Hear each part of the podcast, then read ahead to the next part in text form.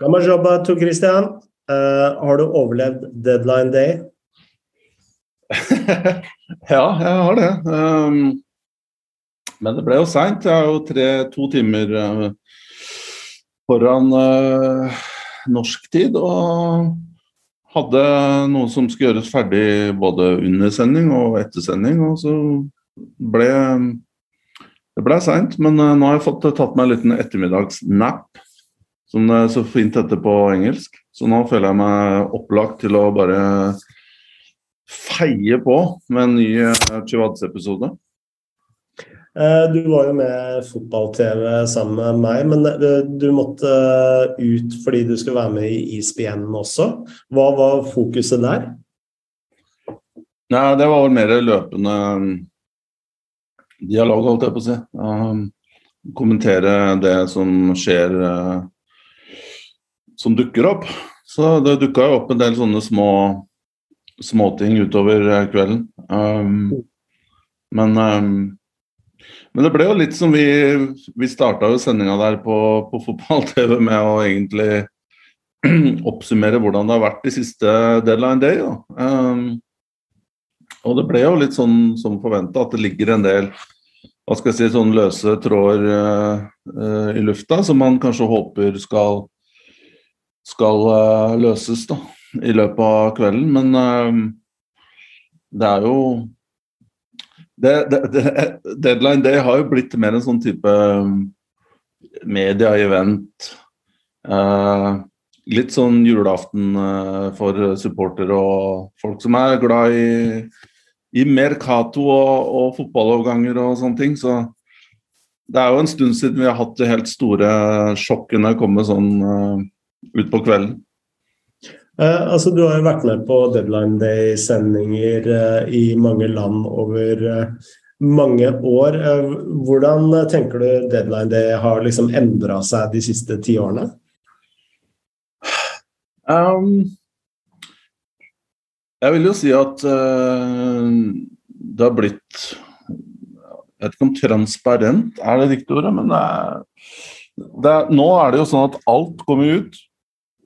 Før så kunne du kanskje Før så kunne det kanskje dukke opp en overgang sent på dagen, på deadline day, som klubber har jobba med i noen dager, eller kanskje også en uke, uten at det er kommet ut.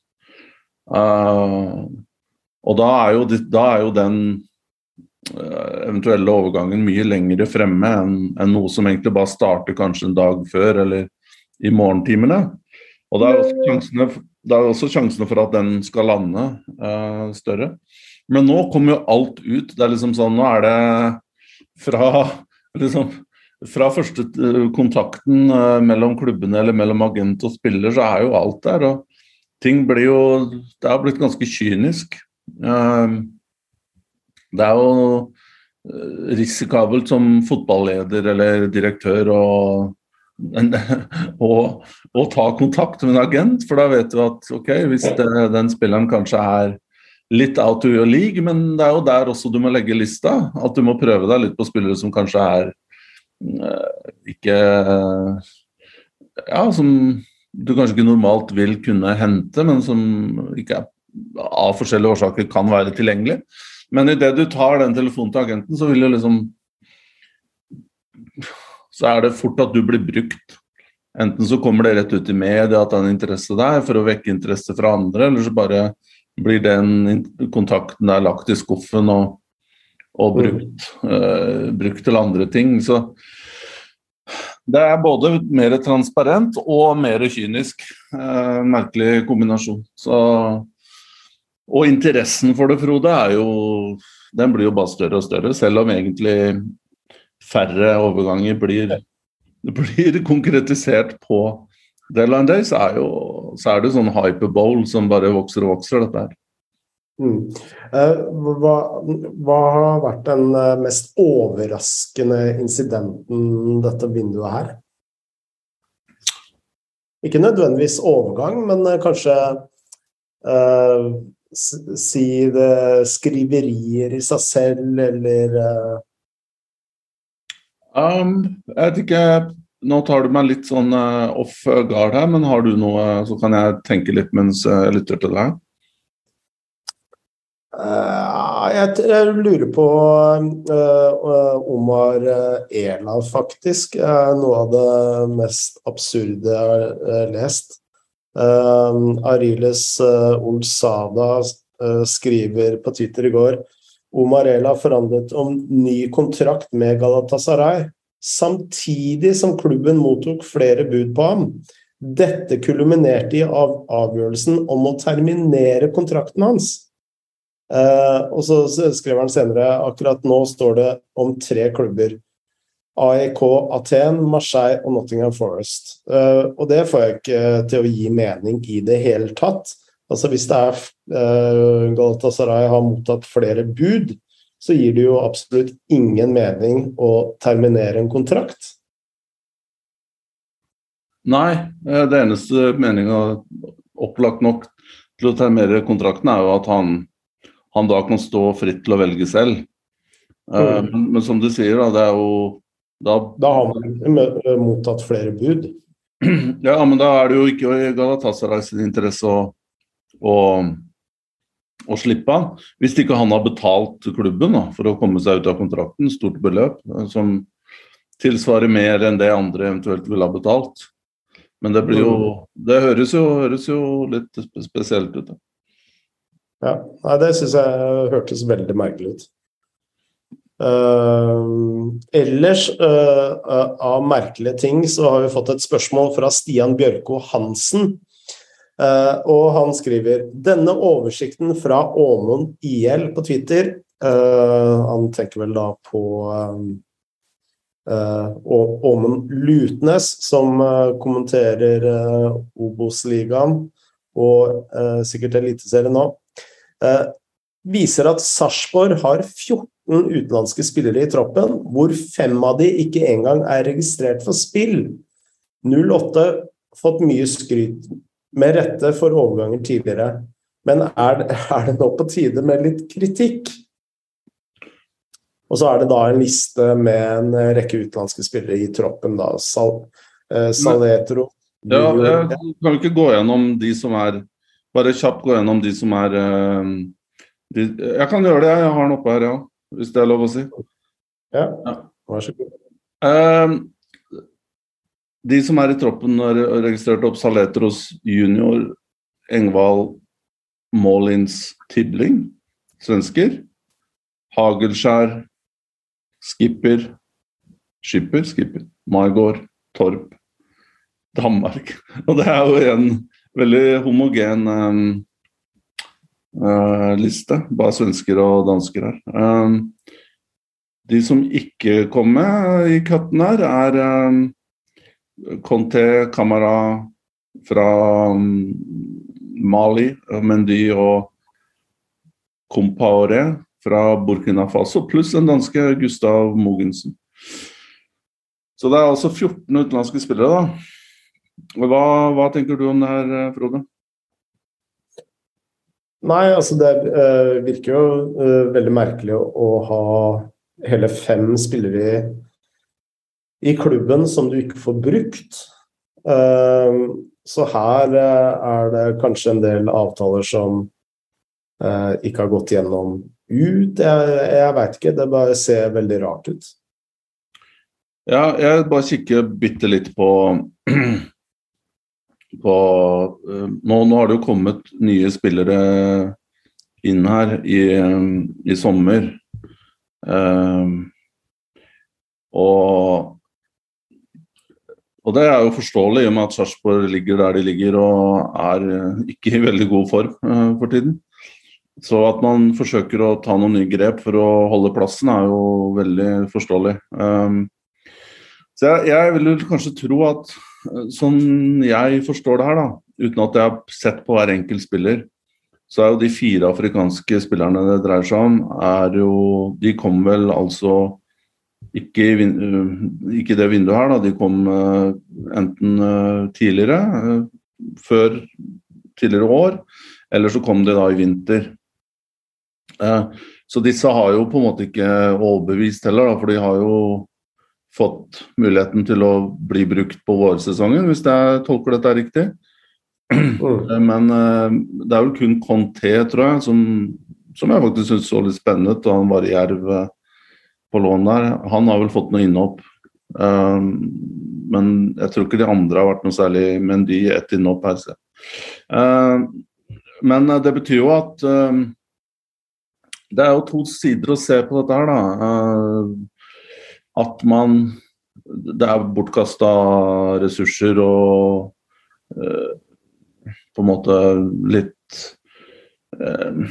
uryddig planlegging av av stallen, eh, kan man jo for så vidt si. Eh, og at man har lagt lista for lavt, eventuelt, for disse afrikanerne.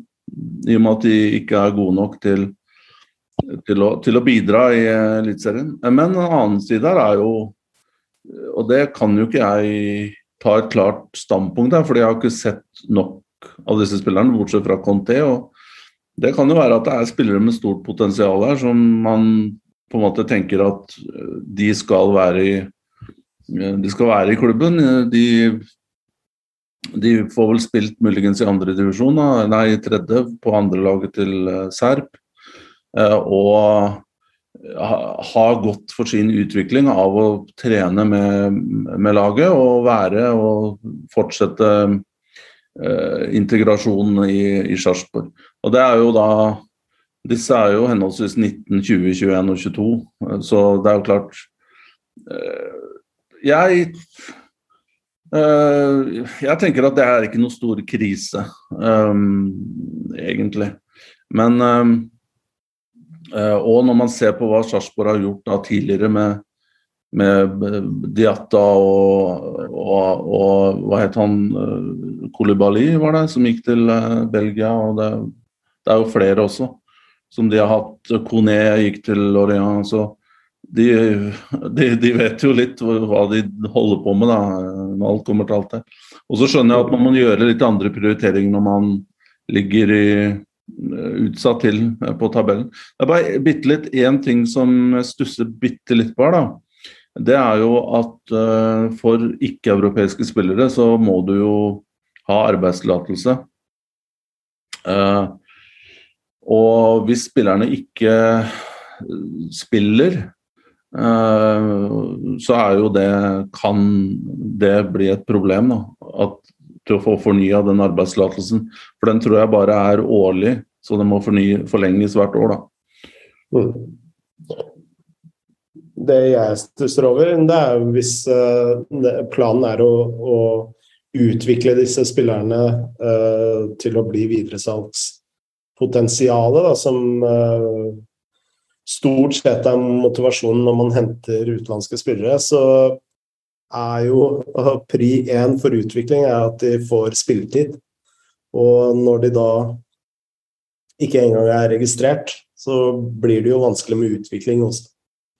Jo, det er jeg enig i, men når du har kommet til det punktet hvor de ikke har fått spilt og ikke kommer til å få spille, så er det jo Da er det jo ikke noe poeng bare å gi dem en registrering for at de bare skal ta opp utlendingsplasser og eh, Det blir bare en symbolsk handling eventuelt. Altså når du på en måte har Når de ikke har spilt noe særlig fram til august og klubben ligger på, på kvalikplass, så skjønner jeg jo at da er det ikke noe poeng liksom, å begynne å Hvis av en eller annen grunn de plutselig har fått en vanvittig utvikling på sommeren, da, som tydeligvis ikke er tilfellet, så og, det, og, planen var jo sikkert, og er sikkert fortsatt, at disse her skal fortsette å utvikle seg. Men det er kanskje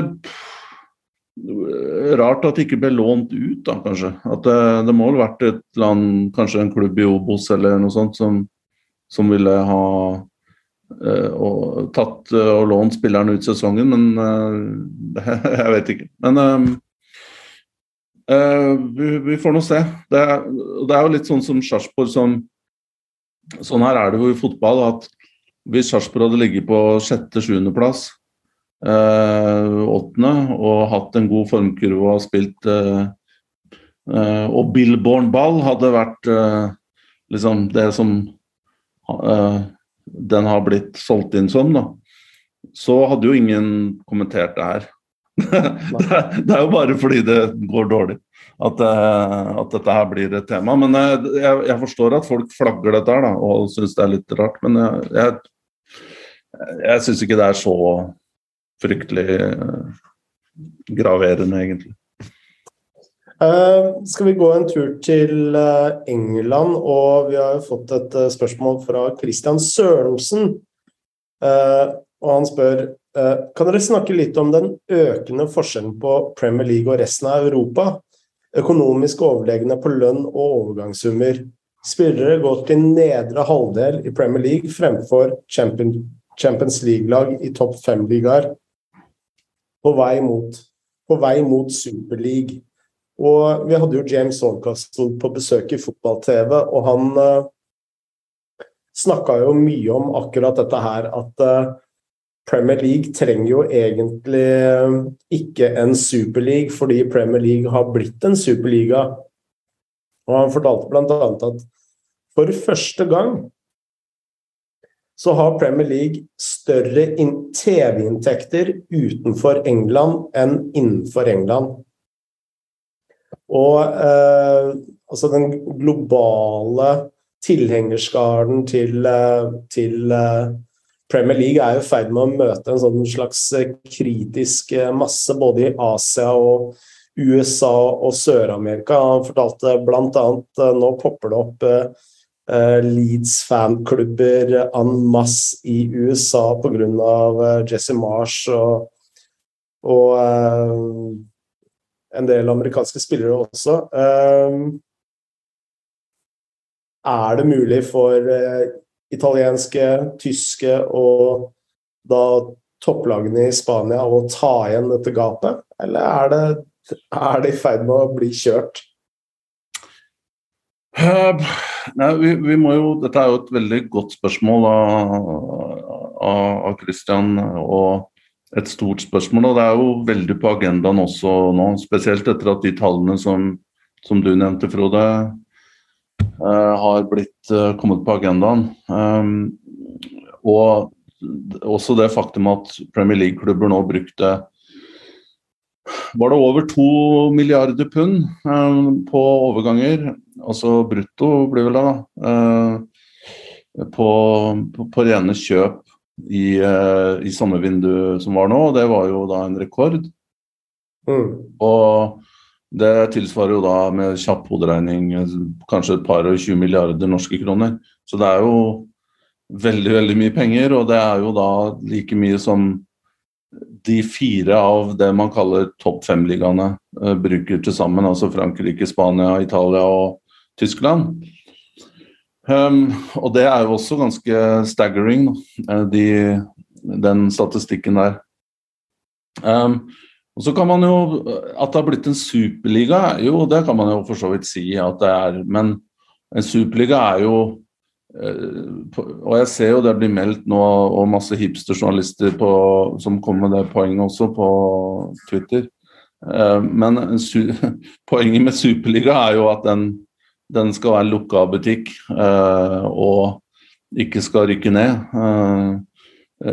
Og at det skal på en måte være kremen av navn. Altså det er, selv om Skal vi ta et eksempel så ikke jeg sårer noen her, da. Si Gi meg en Premier League-klubb som ikke har noe særlig supportere. Så. si det faktum at Bournemouth da, er i denne er Premier League, betyr ikke at Bournemouth er er eh, superklubb. Du vil jo langt heller altså Poenget med Superliga er jo at Real Madrid, Juventus, eh, Paris Saint-Germain og de fem-seks største Premier League-klubbene skal spille mot hverandre hele tiden, og derfor slippe å måtte spille mot Bournemouth og, og disse klubbene. Og det, og det, er jo hele Men her ligger noe av poenget um, mitt. Og det tror jeg også reflekter, reflekteres litt i, i, i, i den, de tallene du kom med der angående de utenlandske TV-rettighetene.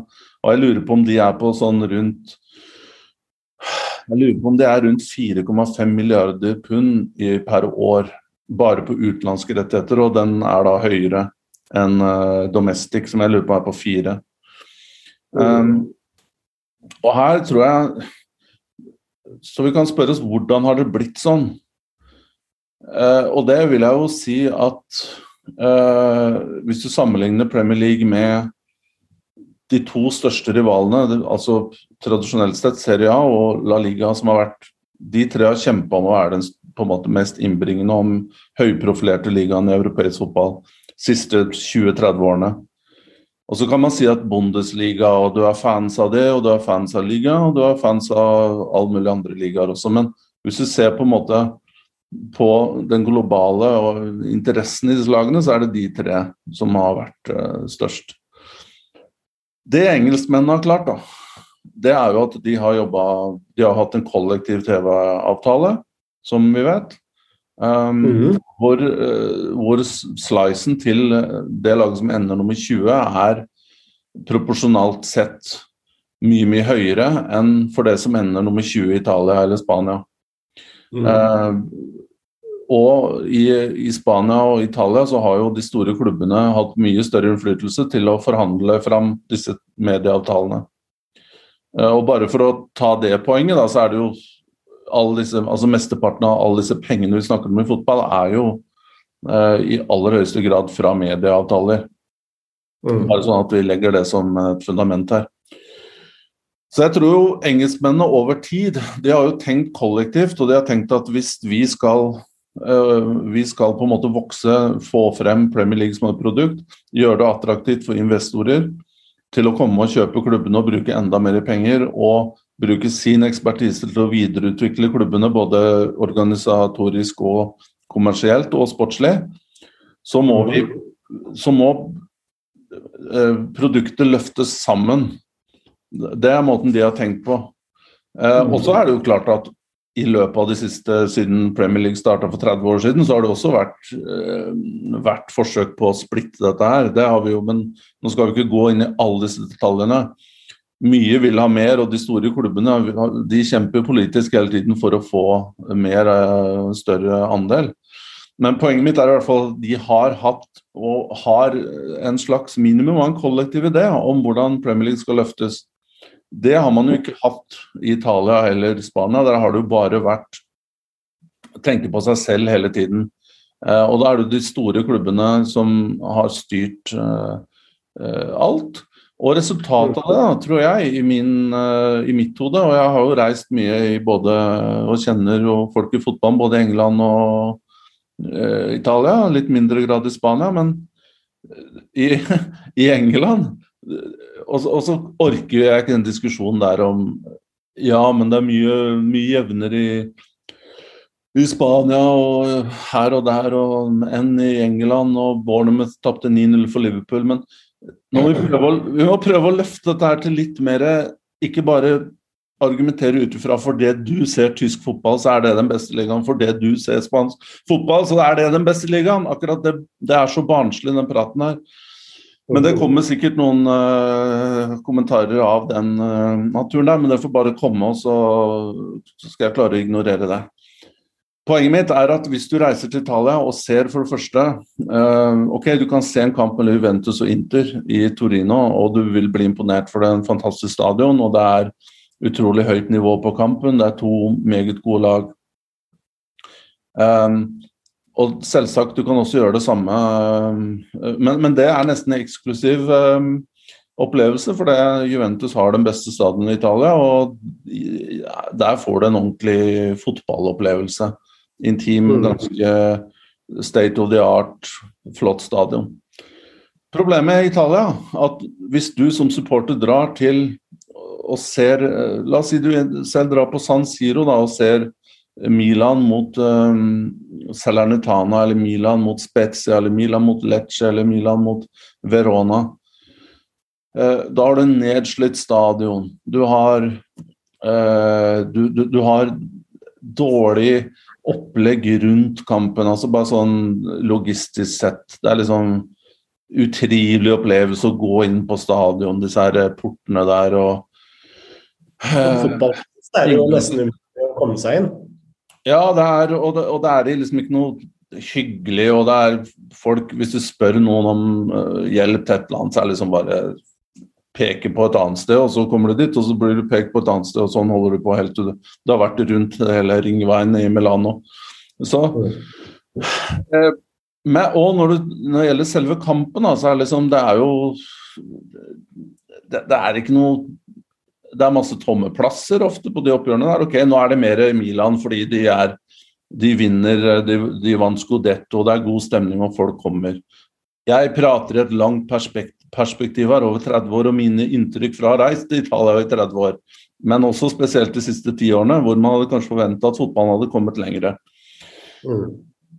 Den opplevelsen, og det, og det, er det samme i Spania, hvis du drar f.eks. på bortekamper med eh, til Almeria, eller du drar til eh, Girona, eller du drar til Getafe, eller Elche, eller Cádiz, eller Valladolid Ja, det er vel og bra hvis du lever og ånder for spansk fotball, så forstår jeg det. Det er folk som lever og for Serie B. Og Det betyr ikke at det er en god allmenngyldig opplevelse som bringer inn kommersielle inntekter og gjør fotballen veldig stor internasjonalt. Og øh, kommersielt innbringende på en global skala. Er, vi må, her må vi klare å skille. Hva er det de som er interessert i å betale for fotball, hva er det de ønsker? Jo, de ønsker det produktet man har i England, i Premier League, hvor man har klart å brande klubbene mye bedre. Eh, både virtuelt og når du kommer til eh, klubbshop, eh, stadionene som er fantastisk stort sett overalt. Du har en god opplevelse både for menn og kvinner og barn. og ok, billettene er dyre, men det er Du får en helt annen opplevelse. Sportslig sett så har du stort sett ok. Eh, Manchester City og Chelsea og Liverpool vinner serien stort sett hvert år, men det er i hvert fall eh, en intensjon om at de skal tape når de reiser steder, selv om det er på en måte til Southampton, eller om det er til Brighton eller om det er til Crystal Palace. Det er ordentlige kamper allikevel, selv om mm. storlagene vinner til slutt. Men folk setter pris på å se på dette her. og selv Crystal Palace Liverpool på Sellers Park kan være en utrolig god opplevelse for en som sitter i, i uh, Kuala Lumpur eller i, i uh, Panama City eller i, i, Kiev, for den saks skyld. Mm. Og det har noe også med, med atmosfæren på kampen. Lydnivået på supporterne er høyere. Folk, hvis ballen ikke går i lengderetning, så begynner um, folk å, å, bli utålmodige. Man skal ha vertikal fotball hele tiden. Ting går kjapt. Jeg sier ikke nødvendigvis at jeg liker den fotballen, kanskje jeg liker bedre italiensk fotball, men jeg bare prøver å forstå hva gjør hva er det som gjør eh, til at folk betaler så mye for å se Premier League? Og nå prøver jeg prøver å komme med min teori om, om, om, dette her. Jeg ser ikke det samme hvis jeg ser en uh, Hvis jeg ser uh, Barcelona eller Real Madrid reise til, til Almeria eller selv Valencia, som liksom Ok, der har du litt annen stemning, men kanskje dårlig eksempel. Om jeg ser dem reise til Elche, så ser ikke jeg det samme. Jeg ser liksom du, du får ikke den, uh, den det adrenalinet der. Det er ikke Fra et objektivt ståsted så tror jeg ikke anser det som like, like spennende. Og det andre her tror jeg også er Det tror jeg også er språk. og at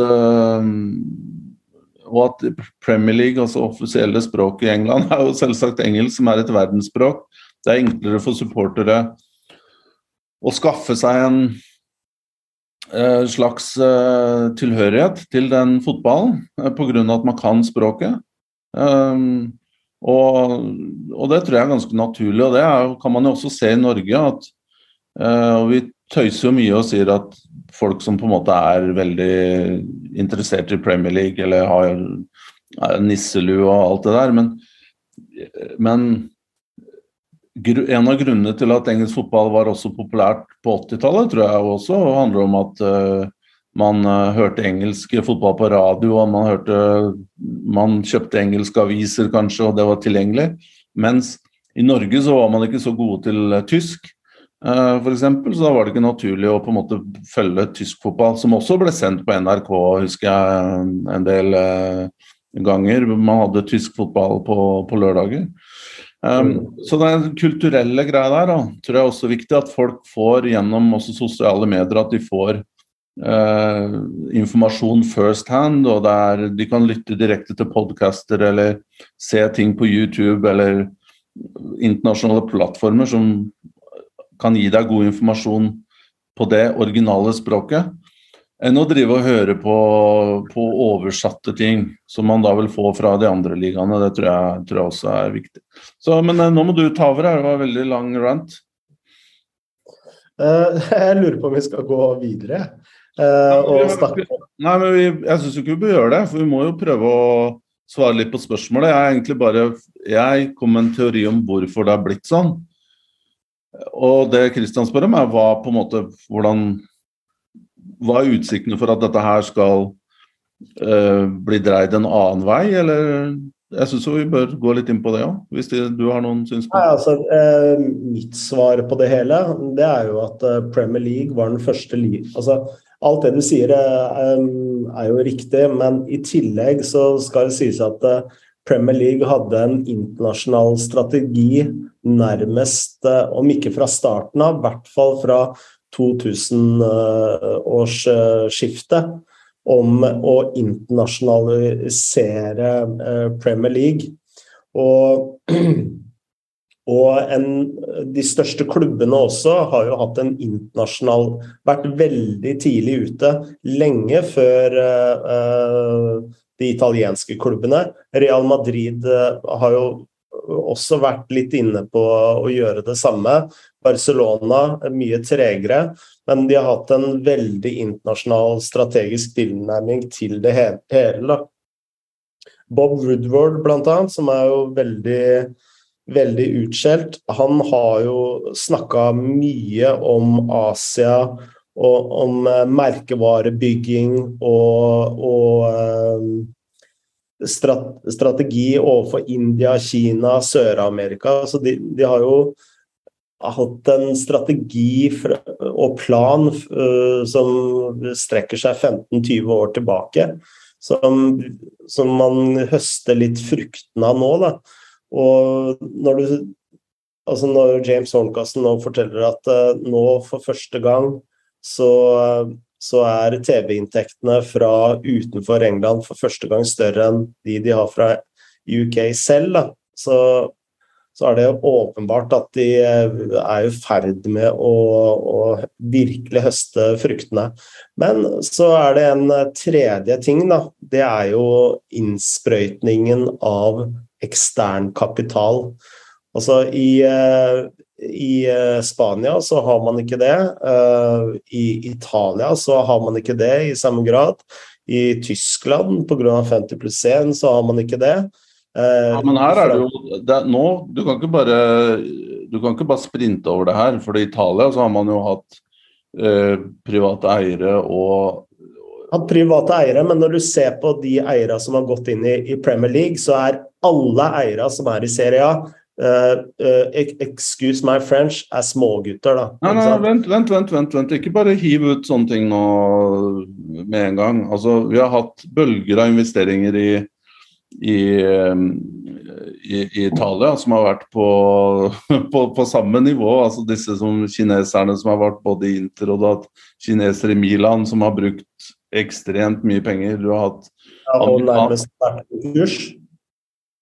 Ja, at de har gått Ja, det er jo kan Og, og sammenligne det da med eh, en emiras, em, eh, altså staten Emiratene.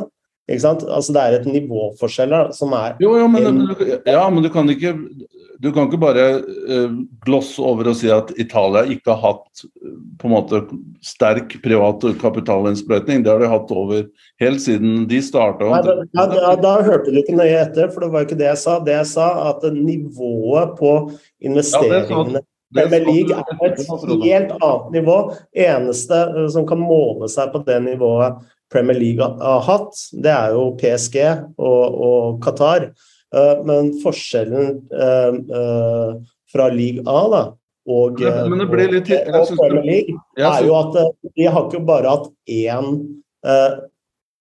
veldig stor investor. altså De har hatt en rekke. altså Når Abramovic kom inn, f.eks., så satte jo det en del kjedereaksjoner an masse. ikke sant? Og, og når, når Saudi-Arabia nå skal inn i fotballen, så, så er det jo fordi de vil konkurrere der alle andre store Absolutt. pengefolkene vil, lære, eh, Ja, vil være. det blir, det blir jo, eh, det blir jo eh, altså Jeg vil jo bare minne om at eh, de, de på en måte tre Det er jo tiår hvor italienske klubber har hatt den beste økonomien og hatt det mest ville eh, private eh, investeringsprosjektene. Altså, da Abramovic eh, kom til Chelsea, så var jo villeste pengebruken var jo Lazio.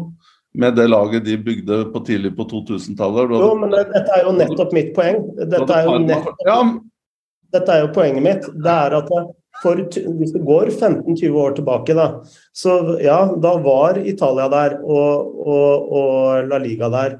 Men så kom jo disse enorme De siste 20 årene så er det jo ikke Italia som har hatt de enorme eh, investeringene. Det er jo Premier League. Ikke sant? Og de investeringene har jo økt år for år for år, og vil jo bare øke enda mer nå med, uh, med Saudi-Arabia inn i Newcastle.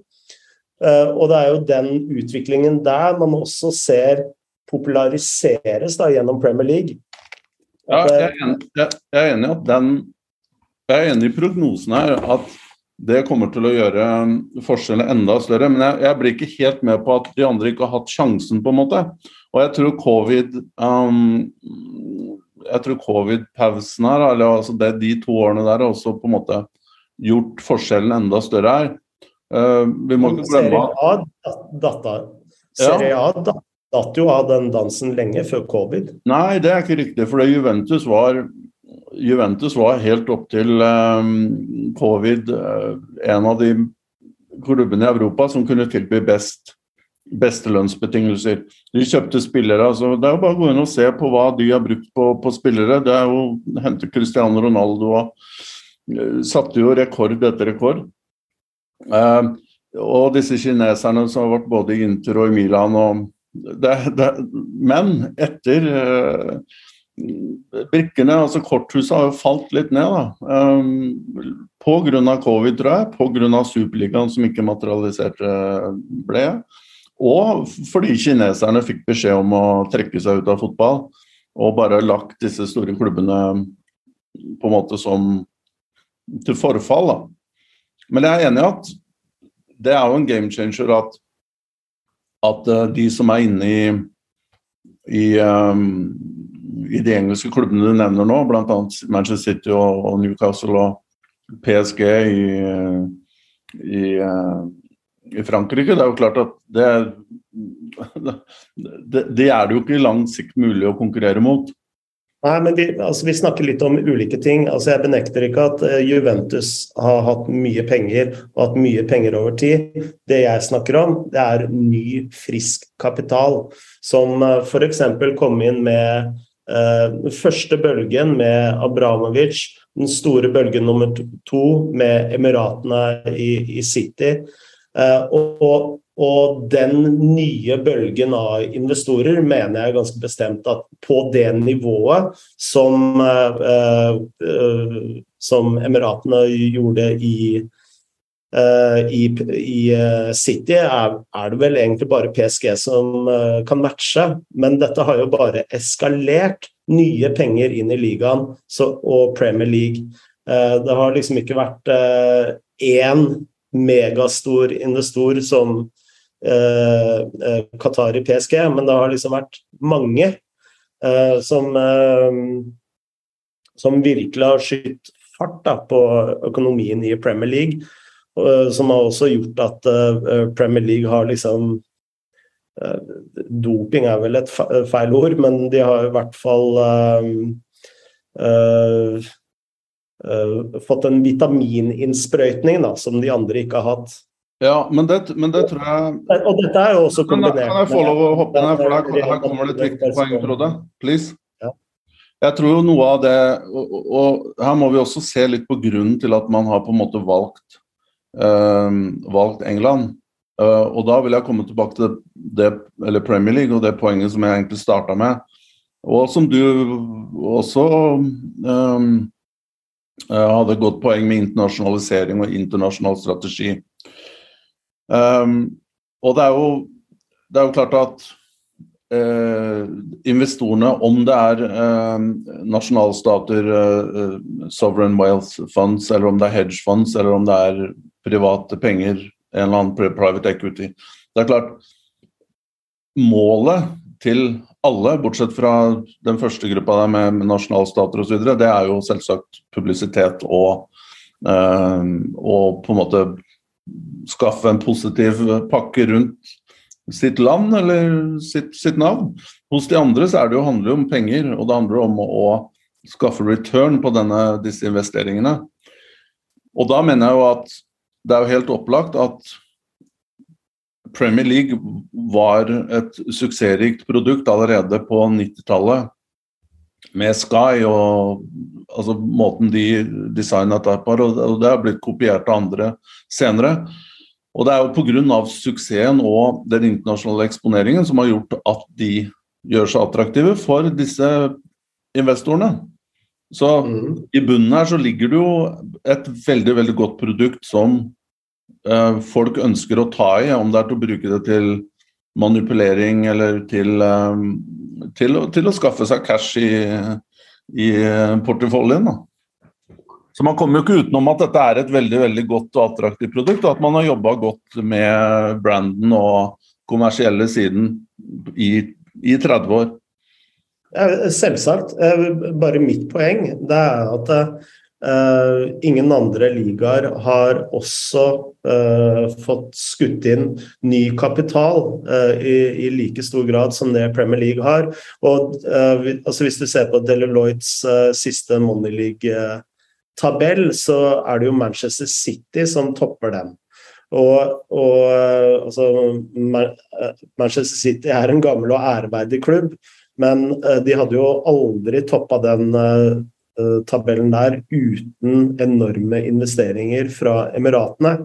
Og dette er jo med å også dra opp interessen for Premier League. Så det blir en slags Ferran eh, Soriano.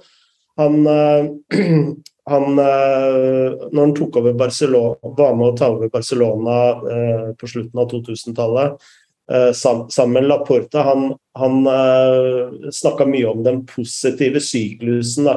At du må investere masse frisk kapital for å kunne igjen tjene mer penger. Og så kommer det litt av den samme syklusen du ser Bodø-Glimt kommer inn i. Da. Uh, og når du ser hvilke enorme summer som har blitt da spytta inn i Premier League, så er det jo også naturlig at Eh, det er en positiv syklus de vil også nyte godt av eh, fremover. Da. Men jeg er jo helt enig i at eh, det som ligger til grunn, er jo et godt produkt. At, og, og det strategiske og det språklige og historien og alle de tingene ligger til, ligger til grunn. Men ja. Ja, jeg, eh, hvis, eh, altså, jeg, jeg, tenker også at England og, og, Premier League er jo et um, uh, hva skal vi si da, mer investor, investorvennlig land nå. da. Det er, det er, jo et mye mer internasjonalt land. Uh, vant til å på en måte behandle utenlandskapital i London. Uh, og det er mye enklere, altså rent sånn eh, legalt òg, da. Eh, mye enklere å investere i England eller London eller enn det er i f.eks. i Spania, kan jeg, kan jeg, forestille meg. Så de tilrettelegger jo også mye bedre for, for, ekstern kapital til å komme inn. Det er også et poeng her. Og det, da tenker jeg sånn Hvis jeg, la oss si at jeg var investor, da Uh, og jeg kjenner jo investorer i, i Frankrike, uh, eiere av klubber. Og og, og, det er jo For det første så er det, det er ikke vanskelig å kjøpe en klubb. Det har vi snakka om, uh, om forrige gang. Det er jo som å det, kjøpe en bagett, du sa. Um, og det, så det å ta over lisensen til klubb er ikke vanskelig, men problemet begynner når du skal bygge stadion. Og det er litt det samme i Italia. Og for å kunne utvikle um, en klubb uh, 100 så må du også eie stadion. Det sier jo seg selv. altså du på en måte Stadion er festningen din, og det er uh, ikke bare når det gjelder matchday uh, revenue og kommersielle inntekter fra den fysiske stadion, men du vil jo også ønske å gjøre den uh, på en måte attraktiv på TV. Um, det er jo en, en, backdrop som er veldig, veldig viktig. Så når man ikke får tilgang til å kjøpe stadioner, og det er fryktelig vanskelig. Det ser man også i Italia. F.eks. disse amerikanerne som eide Roma, som har holdt på i ti år med å prøve å få tillatelse og go ahead. Jeg vet ikke om de har fått det nå, men til å bygge en ny stadion. og Det var vel samme i, i Milano med de to klubbene der, hvor man Jeg tror man har fått grønt lys til å prøve på et eller annet nå, da, men man vet jo aldri hvor det stopper, eller om dette er, på en måte er noe som kan realiseres. Og det samme er jo igjen i Spa Spania, hvor eh, disse stadionene stort sett er i offentlige hender, og det ikke er aktuelt å selge dem til private. Eller, og det gjør det altfor vanskelig, og prosessene for å få noen svar er altfor for tunge. Og da tenker jo jeg at hvis du, hvis du ønsker å lage et sånn fullverdig prosjekt, da, som man kaller det, for å liksom bygge opp en fotballklubb og klare å skaffe inntekter nok til å gjøre den self-sufficient over en lang, lengre periode, så ønsker du, så ønsker du den stadion. Og der, der, har jo England også en veldig stor, eh, en stor fordel kontra de andre landene. Ja, altså En stadion er jo helt uh, essensiell. Og, og det, altså, hvis du igjen da, går tilbake til Deloittes uh, pengetabell, så er liksom lag som Everton ligger foran AC Milan. Ja. uh, og, og, eh, og, det, og det, altså i år, og det er ikke veldig mange år siden liksom, AC Milan var topp top 10, og nå er de knapt topp 20. Så sier jo noe om makt, endringene i maktforholdet mellom span, spanske og, italienske og, og, tyske klubber sånn nedenfor den store hopen, da. Ja. Ja, har bare, har bare ett siste poeng her ja, før vi kommer oss videre. og det er egentlig kanskje, Jeg vet ikke om det er litt undervurdert. Jeg, ikke noe sånt, jeg sitter ikke på noe tall for å klare å backe opp det her, men jeg føler også at Og det blir anekdotisk, um, men jeg, jeg, føler jo at um, Altså i England, en ting de har der i større grad enn det andre har, føler jeg, det er jo lojalitet. Uh, og så kommer det sikkert masse protester her og noe tall, og det får jo bare komme der. Men eh, selv om det går dårlig, så pleier folk å stille opp. Um, og det skaper jo også en atmosfære. Det er jo ikke noe moro å se kamper med halvtomme tribuner, ikke sant. Um, Tyskland er man også flinke til å stille opp. Selv om det går dårlig, så pleier stadionene stort sett å være fulle. Mens det er veldig, veldig ofte det blir uh, luftig på tribunene, spesielt i Italia, hvor folk Og de klager over billettpriser, og det er liksom Det er Så eh, engelskmennene er jo Det er jo også enklere å få hånda ned i lommebøkene til engelskmennene.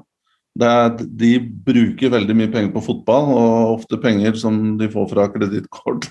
Men det er, for, det er, ikke for uh, Det er ikke Chivadze-materiale, kanskje, mer økonomipodkast. Men uh, ja, det som er interessant, det er jo at eh, det er jo ikke bare de engelske fansene som er lojale. Altså du, uh, Her for litt siden så, så jeg et sånn TV-klipp med en indisk supporter som nærmest uh, gråt uh, foran Phil Neville fordi han Sånn var mest Ja, ikke sant. Men i Manchester United-drakt. Det betød så mye for han. og Tenk om, han hadde, tenk om han hadde treffet Cristiano Ronaldo da, ikke Phil Neville?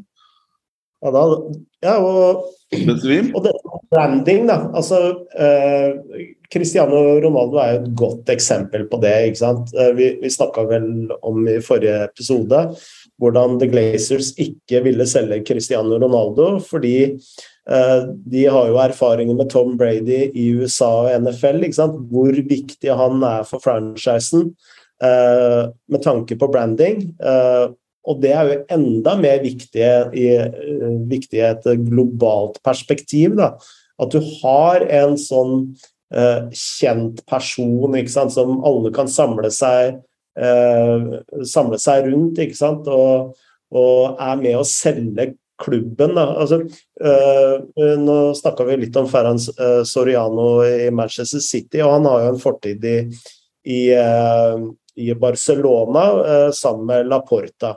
Når han gikk til valg, Laporta gikk til valg da, eh, for snart hva blir det, nesten 20 år siden, så, så viser det på meningsmålingene så hadde han under 2% Men det Soriano og Laporta og sånn fant ut, da, det er at nei, vi må brande Barcelona på nytt, og som kan samle alle alle fansene bak en idé og en filosofi. Og det de gjorde da, det var at eh, de eh, jugde på seg å ha eh, David Beckham klar.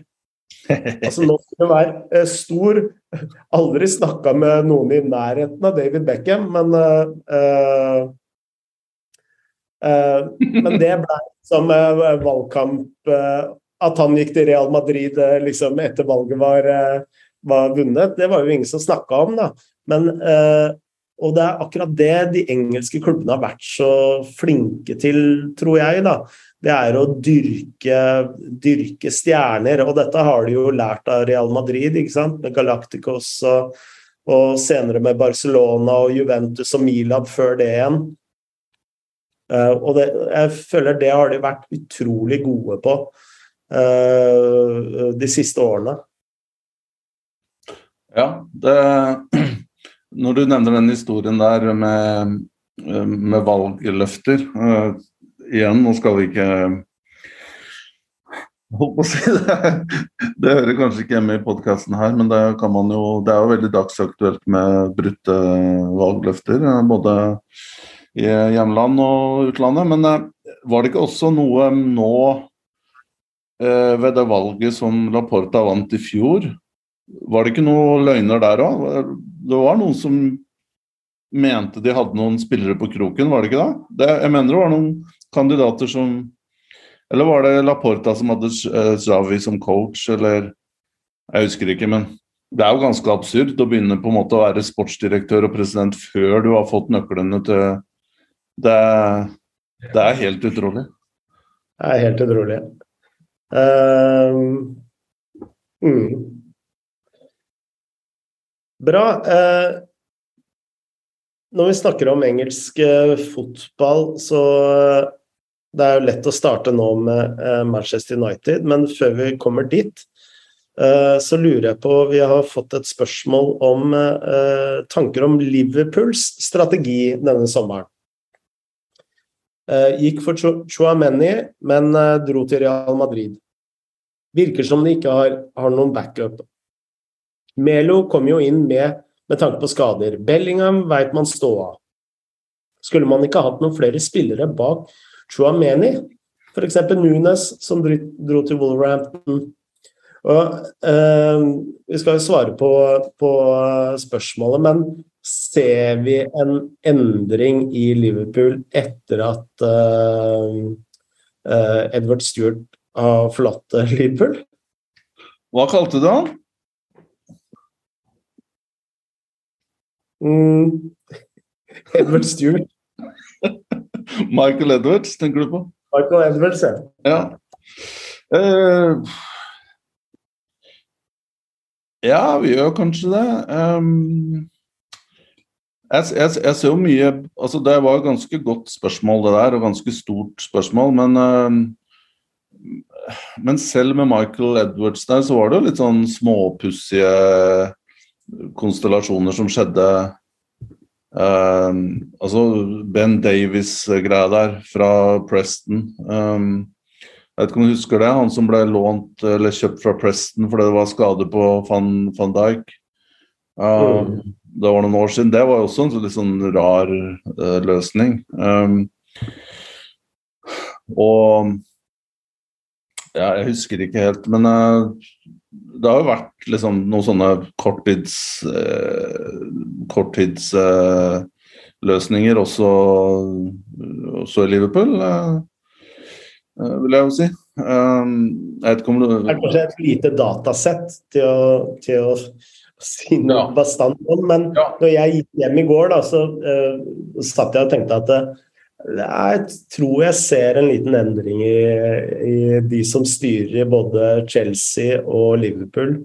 Uh, og så tenkte jeg litt mer på ja, kanskje ikke allikevel, men uh... Nei, jeg, jeg, tror det er litt vanskelig å konkludere. Jeg, jeg, tror nok at Jeg vil nok tro at Liverpool gjorde en, gjorde en, en uh, analyse før sesongen og følte at de var de var uh, på et greit sted. Og det er en klubb som var i fire finaler.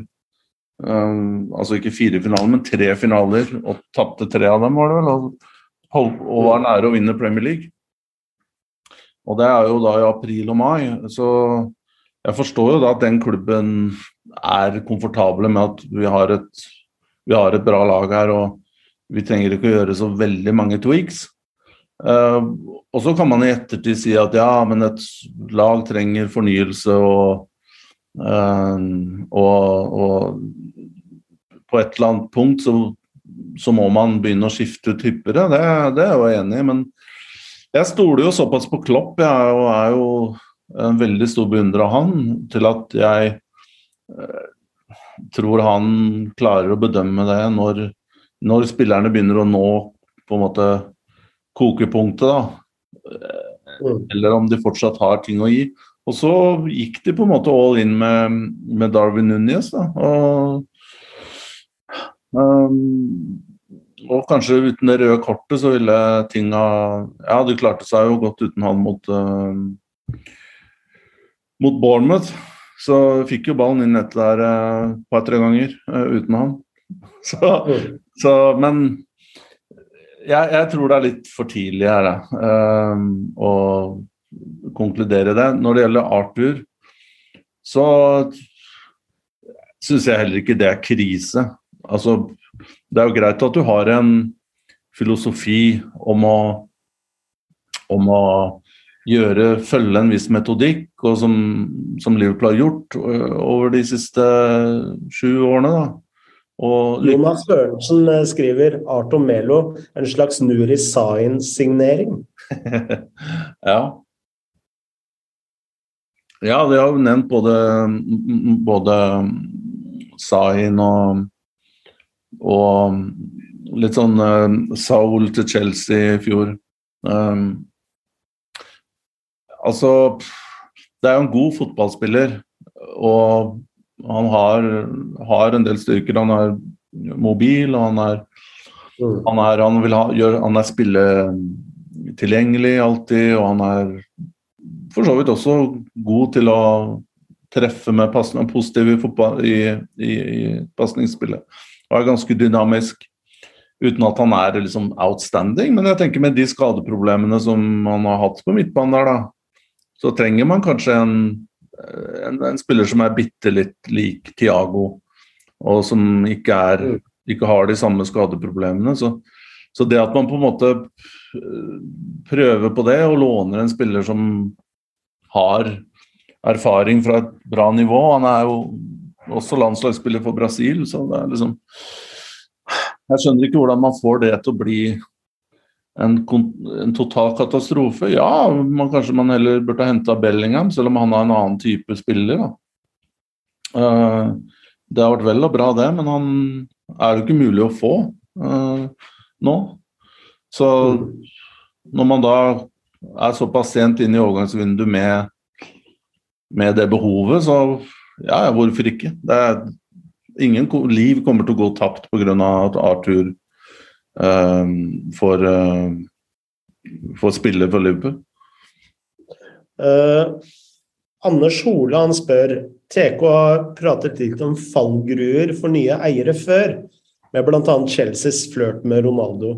Hvor stor blemme er denne Aubameyang-signeringen? Eller er det best case scenario uh, for en eier som skal vise seg fram og banke seg på kassa med en signering? Bank. Ja, det er jo ikke så mye å banke seg på kassa for akkurat han, da. Uh, med all respekt. Men ja, altså, Chelsea har gjort en del decent uh, signering, altså. signeringer. Uh, Bakover på banen her så er det jo bra. Uh, Fofana og Kolibali er jo ikke noe dårligere enn de to som altså Rodiger er kanskje bedre, men de er i hvert fall bedre enn Christiansen, da, de to. Uh, uh, og, og, jeg er jo fan av Chukwuemeka, som de henta. Og så er det jo Var det uh, Kokorea og, og Stirling.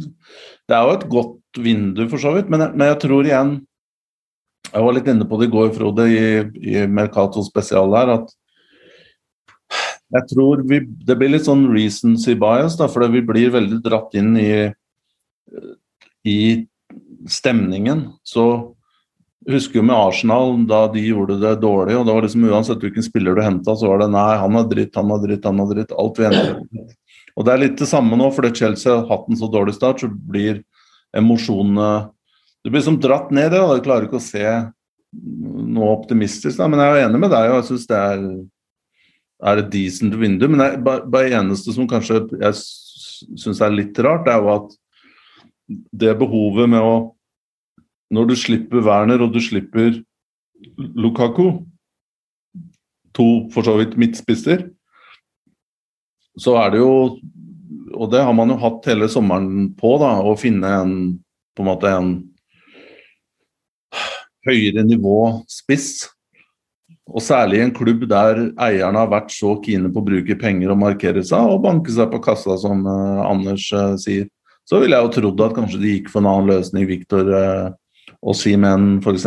fra Napoli, som jeg rater høyt. Eller at de var med i kampen på Darwin Nunes eller noe sånt. da. Men Så jeg vet ikke hva du tenker med Åba, Åba ja. Nei, altså jeg tenker jo at eh, Chelsea trenger en spiss. Uh, dette Stirling-opplegget på topp og sånt, det har jeg ikke noe tro på.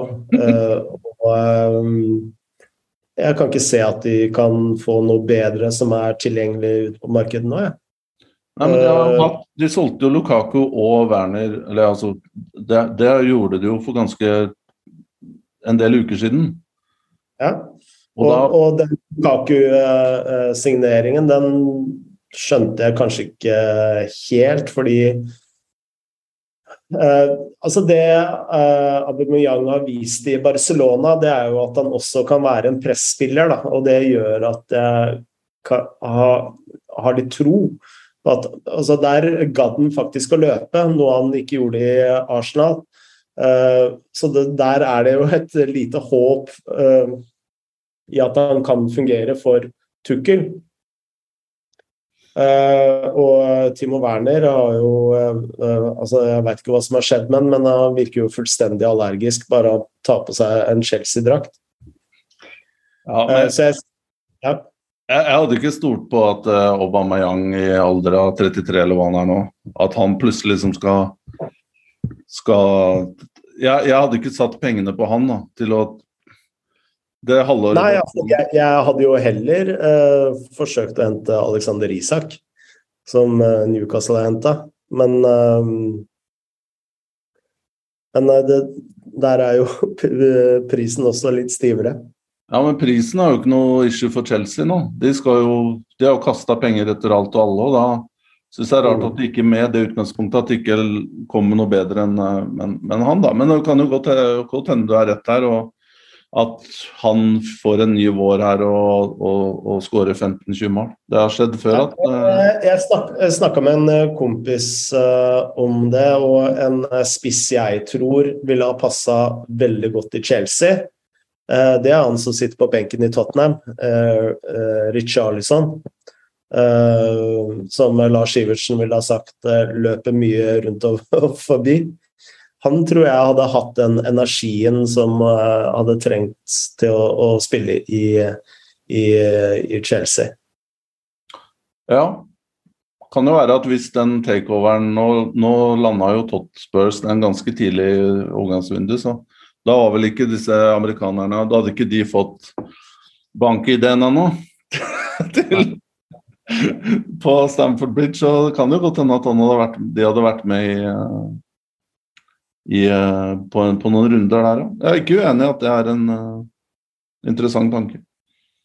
Men uh, vi må snakke litt om uh, Manchester United der, og før vi, uh, før vi runder av. Altså, det, er? Har, ja, altså, det er jo ingen som har brukt så masse penger. Altså, siden sist så har du jo nå fått Anthony til 85 millioner pund. rekk i dette vinduet her, iallfall. Uh, de, altså, den store overgangsvinneren her er jo Ajax, som har klart å selge spillere for uh, uh, 2,5 milliard.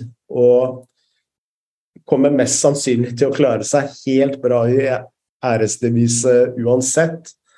Uh, og veldig mange av disse spillere har jo endt opp i Manchester United. Hva, hva tenker du om den dynamikken med en trener som har vært i Ajax? Man kjenner mange som er i Ajax. Eh, er nå i Manchester United. Altså, er ikke det litt rart? Jo, det Jeg tenker jo at at du lar treneren få lov til å gå og håndplukke fra den klubben du har vært i, syns jeg er veldig, veldig rart. Kanskje på et lavere nivå, at det ikke er unaturlig, da, selv i Premier League, men dette er jo fryktelig stor klubb, Manchester United. Det er jo heller ikke så veldig mange spillere da, som kan forsterke det laget der. Selv om de har sett dårlig ut uh, i perioder. Men mm. det skal ikke så mange podcaster tilbake før, siden jeg sa at dette laget her er jo ikke et dårlig lag. Altså Det har jo fryktelig mange gode spillere som har vært uh, gjør det bra på landslaget og gjort det bra både i Manchester United og andre steder. Og de har brukt veldig mange penger på det. Eh, så mm. nåløyet burde være trangt her, ikke sant. Um, mm. Og mye av clouet her til at uh, også um, man plukka Ten Hag, måtte jo være at man ikke skulle liksom, fortsette bare å være en kjøpeklubb.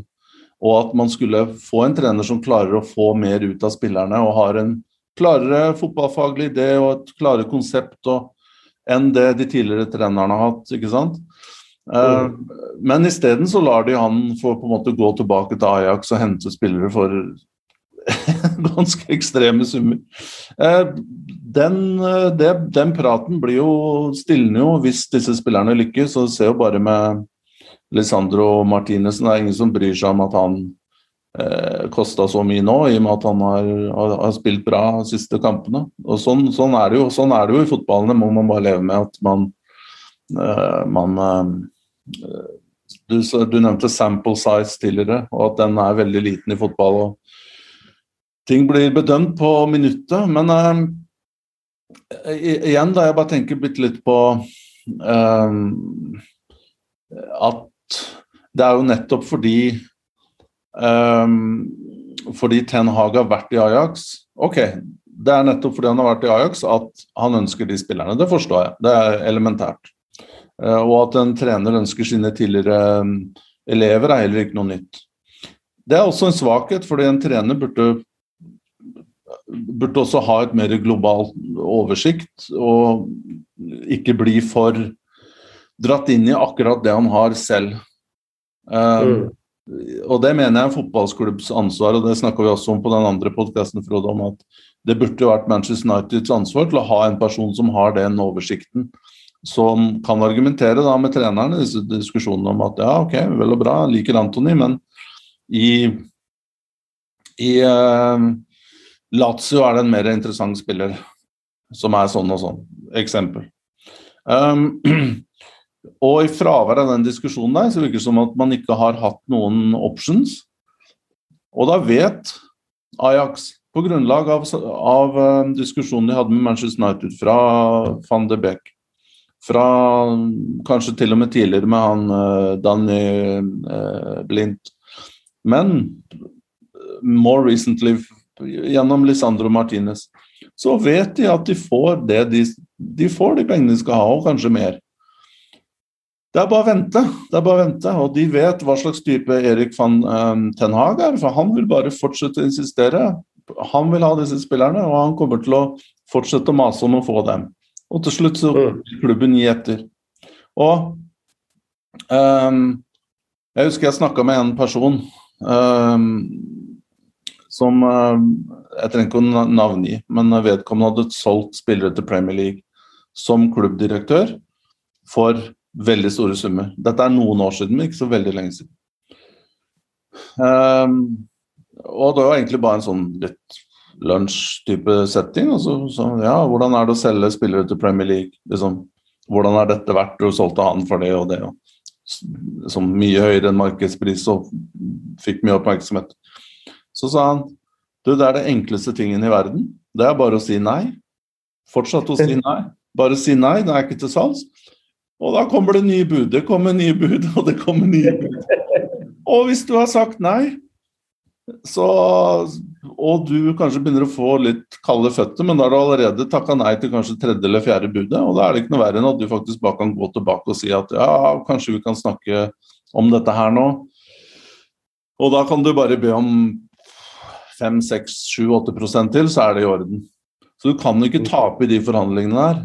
Premier League de har så mye penger, og de er så desperate. og Presset fra media og supportere, alt mulig, gjør at du som selgende part bare kan sitte og bare si nei, nei, nei, nei. Til slutt så får du det du vil ha. Er det noen dealer dette vinduet her, eh, sånn avslutningsvis, eh, som du er eh, ekstra imponert over? Jeg tenker du på det økonomiske aspektet, Frode, eller tenker du på på en måte pakka, eller? Pakka, totalpakka. Ja, jeg, jeg, vil jo si at um, på en måte litt sånn outsider da, som jeg, jeg liker jo veldig, er den vi snakka om sist, Kvaratskelia til, um, til Napoli. Som har hatt en flying start der. Um, jeg er veldig glad i Brendan Aronson, uh, Tyler Adams, som er på en måte en litt pakke da, til Leeds. Mm. Jeg syns det er veldig spennende. og og hvis Leeds holder plassen, og det tror jeg de kommer til å gjøre med OK margin, selv om det kanskje burde ha kommet inn en venstreback der og kanskje noe litt mer i angrep, uh, så tror jeg de kommer til å holde plassen, og da eh, og med god margin. Og da er jo det et godt stykke arbeid de eventuelt har gjort, da, med å kunne slippe to ganske store spillere og så hente fire-fem uh, up and coming, og likevel uh, ha bygd uh, laget videre. Eh, nå forskutterer jeg litt her, Frode, men jeg, jeg, tror de kommer til å klare det. Så det syns jeg er en fin måte å jobbe på. Mm. Og så har vi vært innom Barcelona, Frode. og den der, De har jo drevet omtrent med sånn um, black magic. Som har Altså, det er voodoo management det de holdt på med. Med å være blakke og ha sånn derre blitt kasta ut av sånne finansratings, og allikevel da klare å lande eh, ja, Lewandowski og Condé og eh, Rafinha får store overgangssummer. Det er jo helt utrolig hvordan de har fått til det. Vi snakka om på tidligere podcaster. Eh, men de to store for meg, det er jo på en måte de to mest obvious. Det er Chumeni, eh, som var en no-brainer. Vi har snakka om Erik Chivadze, Frode, på siden, uh, siden han slutta å bru uh, bruke bleier, omtrent.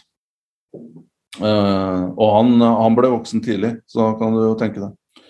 Og at han, at han kom til å bli en hit i Real Madrid. Og jeg mener vi til og med omtalte han som en Real Madrid-spiller, konseptuelt, for, for, et par år siden. Um, og, så det var liksom en no-brainer, og jeg er utrolig kult at han, eh, at han er der. Eh, og så kan du ikke komme utenom Haaland. Eh, det er jo den overgangen blir jo villere og villere nesten for hver uke. Ja. og når du da tenker på summen her, ok, han har ekstremt høy lønn, og han, det var vel snakk om noen 30 millioner i agenthonorar osv. her. Uh, men totalen her blir allikevel ikke så halvgæren. Uh, og, og, og, det at da City i tillegg, som du nevnte, solgte vel da også et par U21-spillere til Southampton for over 30 millioner pund eller noe sånt. Og, og pluss Gabriel Jesus og Shinsenko til, til Arsenal og Stirling. Så de på en måte henter verdens største spisstalent, eller kanskje verdens beste angrepsspiller. Um, og går heftig pluss i samme vindu. Det er jo, det er jo helt utrolig. Hvis man på en måte ser isolert på dette her, da, så uh, Vi må på en måte noen ganger klare å distansere oss litt fra sportvasking og legge inn det der. Uh, men helt isolert sett så, synes, så er jo det en vanvittig deal. Mm. Og er det noen du har eh, spesielt uh, kjærlighet for i det vinduet her? Charles Kettelare? Ja, han er nok uh, en av de mer, mer spennende overgangene, syns jeg. Uh, i tillegg til de to du nevnte. Ellers så uh, syns jeg jo uh, altså overgangen uh, fra Dortmund uh, Akini uh, fra Dortmund til City uh, syns jeg var en veldig spennende overgang. Midtstopperen. Ja. som har gått litt under radaren. Men er vel mer backup, kanskje? Han skal Han er vel med backup, men, eh, og de har jo eh, Manuela Kanyi. 15 millioner pund. Eh, jeg liker han veldig, veldig godt. Og selv om han ikke er ja, altså Hvis de spiller med trebackslinje, så er han vel inne i laget, vil jeg tro. Ja, det begynner å bli bra med konkurranse på på stoppeplass der. Jeg vet ikke hvor mange de har nå, sånne out and out-stoppere, men det må være Ja, men det er mye skader, da. Ja, så, det... ja. så det er vel det som er påtenkt. Men eh, jeg liker den overgangen der. Men Det er litt deilig å bli ferdig med det òg. Nå blir det bare fokus på, på sportslige, det som skjer på banen, forhåpentligvis. Um, Fabrizio Romano, som har blitt en sånn uh, kult, uh, ikke bare kult, han har blitt rockestjerne. Uh, nå har jeg satt den på mute. Har du satt han på mute? Nå har jeg satt den på mute, jeg. Fram til januar? Til, uh, til neste vindu. ja. Det er jo utrolig på en måte hvordan han har Nå skal ikke vi bruke mer tid på det, da, men det er bare sånn Altså, den, han er jo en postmoderne journalist, da, på en måte, i den forstand at hvis vi hadde gått tilbake sånn Jeg husker da jeg begynte å skrive Du begynte jo som journalist og mediamann lenge før meg, men jeg husker jeg begynte å skrive blogg, eh, som jeg kalte det, var nettavisen under VM i 2006. Uh, eh, og, eh, og da var det jo sånn liksom Jeg gjorde det beste jeg kunne. Jeg var jo på en måte, kunne jo skrive, men det var jo det ble jo ikke deska eller det gikk jo på en måte bare rett ut på, på, på nettet. Men da var det liksom sånn Hvem er du? Hvem er du? Som skal, hvem er du som på en måte driver og skal skrive meninger om fotball? Da? Det var jo I kommentarfeltet så var det jo sånn hele tida. Uh, og jeg husker til og med det var en eller annen sportskommentator som Jeg husker ikke hvem det var. Uh, lurer på om Aftenposten. Ja, som jeg hadde noen uttalelser om uh, landslagssjefen på et eller annet tidspunkt, og da skrev han i avisen i kommentaren sin 'Hvem er Tor Christian Karlsen?' Altså, på den tida der da, så måtte du ha gått gjennom veldig mange sånne filtre for å bli akseptert. Du måtte kunne skrive bra, du måtte kunne prate på en spesiell måte, du måtte kunne bli vetta ordentlig da, av denne klikken av av disse mennene, som eh, det var jo bare menn, eh, som satt eh, først i fly og fikk den første mm, glass med vin da landslags da man skulle spise før landskamper kvelden før. Med, det var liksom inner circle. Men det har jo forandra seg helt, og nå kan det liksom ha komme rare uttrykk 'here we go'. Som, Mm. som det for, for øvrig det, det, det er jo det han ønsker å si, er jo 'cisiamo' på italiensk. Som mer er Ja. 'there you go', eh, som det betyr. Altså uh, there, Men han, han begynte Så det 'here we go' er jo oppstått på en eh, feiltagelse, og det er liksom litt rar engelsk å dundre på og kjøre på rett ut med det. Mm. Så der er vi i dag, da. Og nå er, liksom, nå er det åpent for alt. Men uh, det var bare en sånn observasjon som eh, ja, jeg gjorde meg i farten der. Jeg vet ikke om du har noe å legge til der, Frode, du som har mye mer erfaring fra media enn meg. Nei, altså eh, Jeg har innsett at jeg er i ferd med å bli gammel. Fordi eh, når jeg tenker tilbake, sånn når jeg begynte å skrive, så var eh, ting gikk så mye saktere. og roligere, og man kunne fordype seg kanskje litt mer, da. Men eh, Og eh, jeg syns jo egentlig det eh, det er en positiv ting, da. At flere kan ko- komme til orde. Men det medfører jo også at det blir mye mer bråk og støy og tull. Så man må rett og slett bli uh, flink til å liksom eh, navigere i alt eh, støyet, da. Eh, så når jeg sier at jeg muter uh, Fabrizio, så er jeg faktisk det. ja, men du er jo inne på noe veldig viktig her. Nå, nå, nå skal jo ikke bli helt um, Men jeg, jeg kan jo legge mine gubbeaksjer her, jeg òg, da. Um, men eh, på en måte hvis du løfter det bitte litt opp, så er det ikke sikkert at dette her er så Det du sier er så noe vi bør være så fryktelig flaue over å, mene. Eh, og det mener jeg at det å på en måte eh, Det skal ikke være sånn at det å lese en på en måte litt komplisert bok skal være off table. Da. At det skal være off limits for mennesker fordi man har vokst opp med iPad og man har vokst opp med, med Mm. iPhones og TikTok og Insta-videoer som går fryktelig fort. Uh, og sånn at du liksom bare skal ha den derre uh, um, følelsen av instant graphic, graphi, gratification hele tiden. Mm. Og du kan jo også dytte Twitter inn i samme gruppa der, da. Men det at man på en måte At man skal kunne sette pris på det å kunne kunne fordype seg og, og, og søke litt på en måte informasjon selv uten å få alt mata i øh, på en måte prosessert og øh, vinklet, da.